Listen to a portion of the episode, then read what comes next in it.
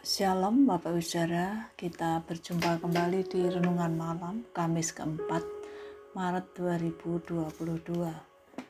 Mari kita tetap setia menyediakan waktu untuk memperhatikan relasi kita dengan Tuhan agar di dalamnya kita makin mengenal Tuhan, mengerti yang Tuhan kehendaki, itu kita lakukan sebagai orang percaya.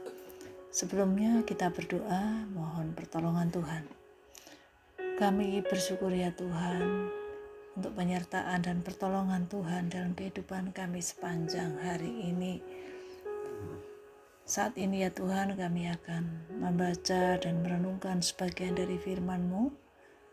Mari Tuhan menolong kami agar kami dapat memahami dengan benar apa yang Tuhan mau kami lakukan dalam kehidupan kami sebagai orang-orang percaya.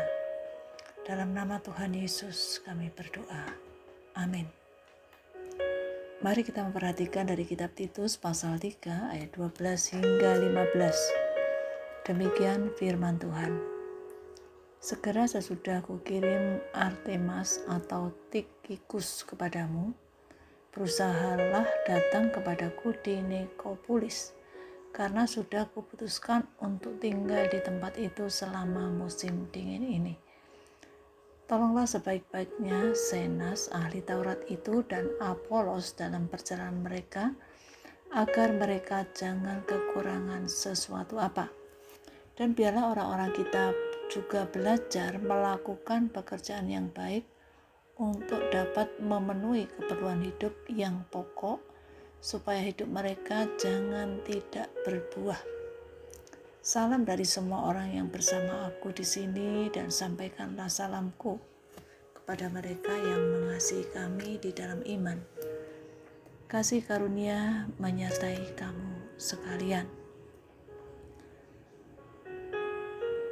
Artemas atau Tikikus akan menggantikan Titus di Kreta supaya ia dapat bergabung dengan Paulus di Nekopolis untuk bersama-sama melayani di sana.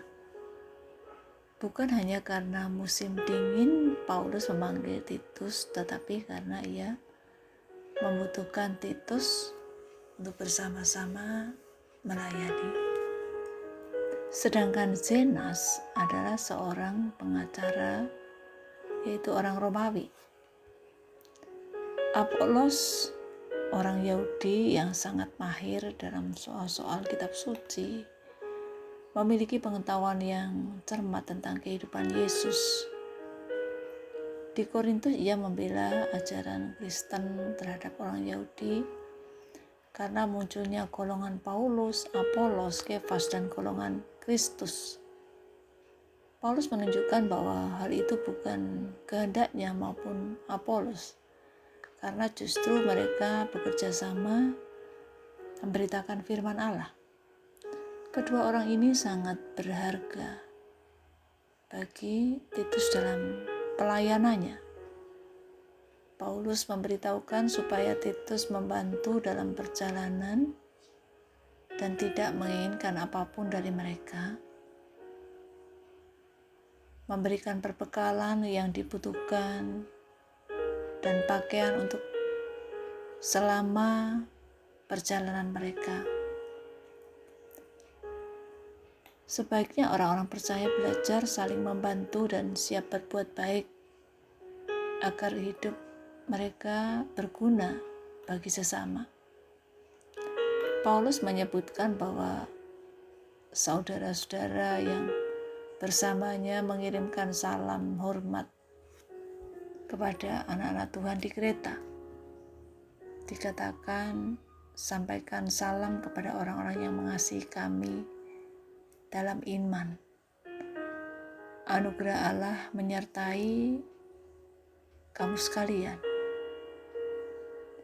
Iman yang menyatukan hati orang-orang percaya diungkapkan sebagai wujud kasih mereka dan Titus akan menyampaikan salam untuk semua orang percaya,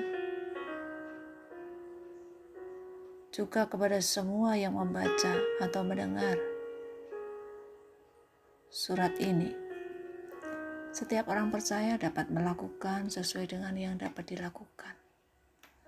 Memperhatikan sesama melalui perbuatan atau perkataan yang membangun, menguatkan sebagai bentuk kepedulian terhadap sesama. Pengenalan kepada Tuhan berdampak dalam iman yang berbuah, seperti yang Tuhan inginkan.